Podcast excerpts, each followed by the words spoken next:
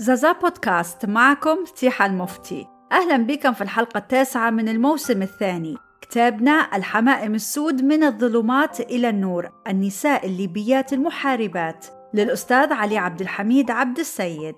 طبع الكتاب سنة 2000 ويحتوي على 352 صفحة وهو من منشورات الدار الجماهيرية للنشر والتوزيع. يقول الأستاذ علي إن موضوع النساء الليبيات المحاربات هو من المواضيع التي ترزخ تحت مفهوم الأسطورة البدائي، ذلك المفهوم الذي يطبق على أنفاس نفائس كثيرة من حضارة ليبيا القديمة. الأسطورة أتت من سطر الأحاديث، وموضوعها يتناول الأبطال الغابرين وفق لغة وتصورات تناسب العصر والمكان الذي صيغت فيه. يبدأ الكتاب بالتعريف بقارة ليبيا، إحدى قارات العالم القديم الثلاث، حيث قيل أما الأرض التي تقع يسار النيل فإنها تحمل اسم ليبيا حتى تبلغ الأوغيانوس. أي لعند المحيط الأطلنطي. تحكي وحدة من الأساطير عن حريات الغرب وهن النسوة الليبيات. يقول ديودورس الصقلي في تلك المنطقة كان موطنهن على جزيرة تدعى الهسبيرا وكانت تقع في صبخة تريتونس بجوار الأوغيانوس قريبة من جبال أطلس. لذلك فإن الكتاب يقدم كل المعلومات والخرائط بهذا الخصوص والتي حددت موطن الأمازونات بين جبال نافوسا وغدامس ومنطقة الشطوط.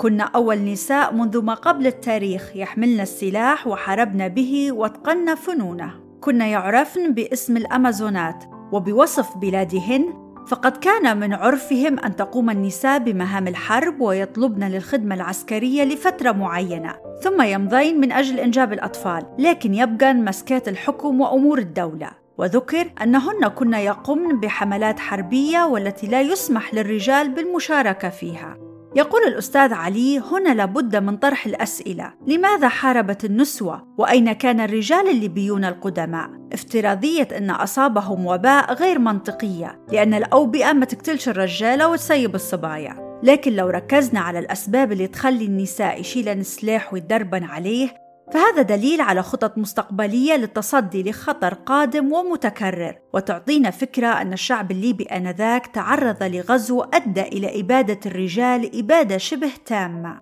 ومن نجا منهم تقتصر وظيفته على إنجاب الأطفال والبقاء في البيوت لحمايتهم وللمحافظة على النسل. إن الأمازونات وقد أصبحن سلالة فائقة القوة قمن بإخضاع المدن المجاورة للجزيرة فيما عدا واحدة تدعى ميني لأنها تعتبر حرما مقدسا وبها بركان عظيم. يقول الأستاذ علي احتمال أن يكون ذلك البركان هو واو الناموس لقربه من موطنهن. بعدها تقول الأسطورة انطلقا لغزو أطلانتس التي تقع جنوب وطنهن. يقول المؤلف علينا أن ننظر للمدن الزاهرة العظيمة بمنظار العالم القديم وبدائيته. ليس كما صور الخياليون أطلانتس وكأنها من الخيال العلمي. حتى إذا ذكرت نظن أننا أمام شيء مستحيل. وما فعلته النسوة الليبيات المحاربات ضد الأطلنطيين من قتل وتدمير يمكن وصفه بالانتقام أو الثأر. ربما نتيجة حرب سابقة أبادوا فيها الرجال. سلم شعب أطلنطس مدنهم وأعلنوا الولاء للملكة مورينا تلك الملكة التي حكمت ليبيا القارة القديمة. يحدثنا الكتاب عن إحدى المعارك التي قتل فيها الكثيرات من جند مورينا فأقامت لهن جنازة كبيرة وأحرقتهن تكريما على ثلاث أكوام من الخشب ثم دفنتهن وأعلت ثلاث تلال من التراب كمقابر. قال عنها الصقلي لا تزال تسمى روابي الأمازونات. يرجح أنها هي مرتفع إلهات الجمال الثلاثة أو تل الحسان بهضب الترهونة بصراحة الكتاب ممتع وكل ما يقابلني اسم منطقة في ليبيا ندور عليه في النت. ونتفرج على صورها زي نهر كينوب اللي يعرف اليوم باسم وادي كعام بين زليتن والخمس. برضو يذكر لنا الكهوف الليبية في جبال تبستي وجبل العوينات. وبالنسبة لجيلنا معلومات زي هذينا مهمة وجديدة. خاصة إن إحنا ما قريناش جغرافية ليبيا في المناهج الدراسية. نردوا على المحاربات الليبيات. فمن أسلحتهن الدفاعية كان الدرع المصنوع من جلود الأفاعي الضخمة التي تشتهر بها ليبيا أيام زمان. أما أسلحة الهجوم فقد كانت السيوف والرماح والأقواس والسهام وكن يفضلن استخدام الخيل في المعارك. وهذا يأتي متزامنا مع رسومات العربات المنحوتة من 5500 إلى 2500 سنة قبل الميلاد والموجودة على جدران تسيلي يقول المؤلف كهوف تسيل جنوب ليبيا. تحوي أعظم ما عرفته الإنسانية من رسومات ما قبل التاريخ وهي كانت توثيق لأحداث العالم القديم آنذاك. تقول المصادر أن الملكة الليبية مورينا جمعت جيشا تعداده ثلاثون ألفا من الجنديات المشاة وثلاثة ألاف فارسة. هذا الجيش المنظم وقياداته العسكرية انطلق من ليبيا إلى آسيا وأوروبا. وعند البحر الإيجي اللي هو بين تركيا واليونان أنشأت الملكة مورينا المدن وأسمتها على النسوة التي شغلن أكبر المناصب معها. يقول ديودرس الصقلي بأن أول من أعمر وأحيا جزيرة ساموثراكي وجعلها حرما مقدسا هن النسوة المحاربات الليبيات. هذه الجزيرة المقدسة هي مولد الديانات والعبادات لدى الإغريق وبالتالي فإن الحضارة الليبية المطموسة كان لها الفضل في الفكر الديني العقائدي الإغريقي ومنها خذوا الآلهة الليبية وغير أسمائهن. الكتاب يشرح عن الديانة الليبية القديمة ويصف المؤلهة نيت الليبية سيدة الصحراء وإلهة السهم والقوس هي ربة السلاح والحرب واختص الليبيون وحدهم بحمل رمزها المقدس وشما على أذرعهم. أيضا أم الأرباب سيبلي بصفتها آلهة الخصوبة خوفا من انقطاع النسل وكونها حامية للناس من الأمراض وتساعدهم على الشفاء. في جزئية يحكي لنا عن قرينة التي توصف بموئل الخرفان والزرع الوفير والماء الهادر. يقول الأستاذ علي ما مدينة قرينة المعروفة اليوم بشحات إلا إحدى المدن التي أنشأتها الملكة مورينا وأسمتها باسمها الذي حرف وطمس حتى يضيع مجد تلك الملكة العظيمة التي على مر الأجيال ارتقت إلى مصاف الآلهة. وفي حولية يوسيبيوس تمدنا بثلاث تواريخ شديدة التباين لإنشاء مدينة قرينة وهي كالآتي سنة 1336 وسنة 761 وسنة 631 طبعا كلهن قبل الميلاد.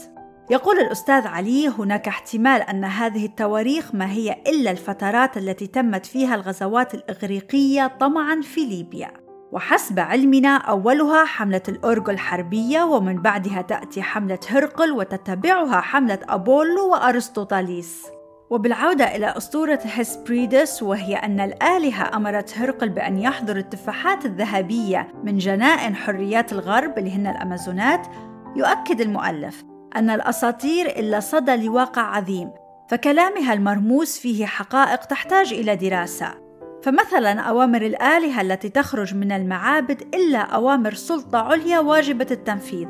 أما التفاحات الذهبية هي إشارة إلى وفرة خيرات ذلك المكان. فعندما قام هرقل بمحاربة الشعب الليبي في تريتونس وإبادة النسوة المحاربات ارتقى إلى مصاف الآلهة. أما أبولو الذي تم تمجيده يقول إن من يتلكأ في النزوح إلى ليبيا الفاتنة ولا يضع يده على نصيب من أراضيها فإنه سيعض يديه ندما لا محالة. الكتاب يتحدث عن روايات هيرودوت وحملة أرسطوطاليس ويذكر علاقة أهل طروادة بليبيا. والقلعة المتألقة قرين التي تهافت اليونانيين عليها منذ القدم. في الباب السابع يحدثنا عن الأميرة الليبية سبوتي وتشبهها بمورينا، فذكرها الشاعر اللاتيني إيتاليكوس في ملحمته بونيقا، وخلدت سبوتي وأمجادها مع جيش هانيبال ضد روما. من خلال العادات القديمة التي تؤكد مكانة المرأة في موطن النساء الليبيات سنجد لاحقا الملكة ميدوسا والملكة تنهينان الأم الروحية للطوارق والكاهنة داهية فسكان تلك المناطق ظلوا يتوارثون هذه الظاهرة فأصبحوا يرون في القيادة النسائية فعلا طيبا ورمزا للحكمة يشرح المؤلف قصة الحمائم السود وموحى أمون في دودونا ويصف لنا لقاء الصداقة بين الملكة الليبية مورينا والملك حورس يوضح معنى اسم الأمازونات وعادات الزواج للليبيين القدماء ويذكر يوم مورينا في تقاليد أعراس مدينة غدامس. يقول الأستاذ علي عبد الحميد عبد السيد إن ما يعرف باسم الصحراء الليبية كان مهد الحضارة الإنسانية الأولى. فهذا يحتم علينا أن نبحث ونتقصى حتى لا تحترينا عقدة النقص ونجعل تاريخنا منذ قدوم الإغريق والرومان فقط. اليوم نحن نحتاج لدعم الباحثين الأثريين والمنقبين والمؤرخين لمعرفة المزيد عن الحضارة الليبية القديمة المطموسة فهذه الصحراء كانت وتكون وستكون. أعزائي شكرا للمتابعة وكما قالوا من ليبيا يأتي الجديد. إلى اللقاء.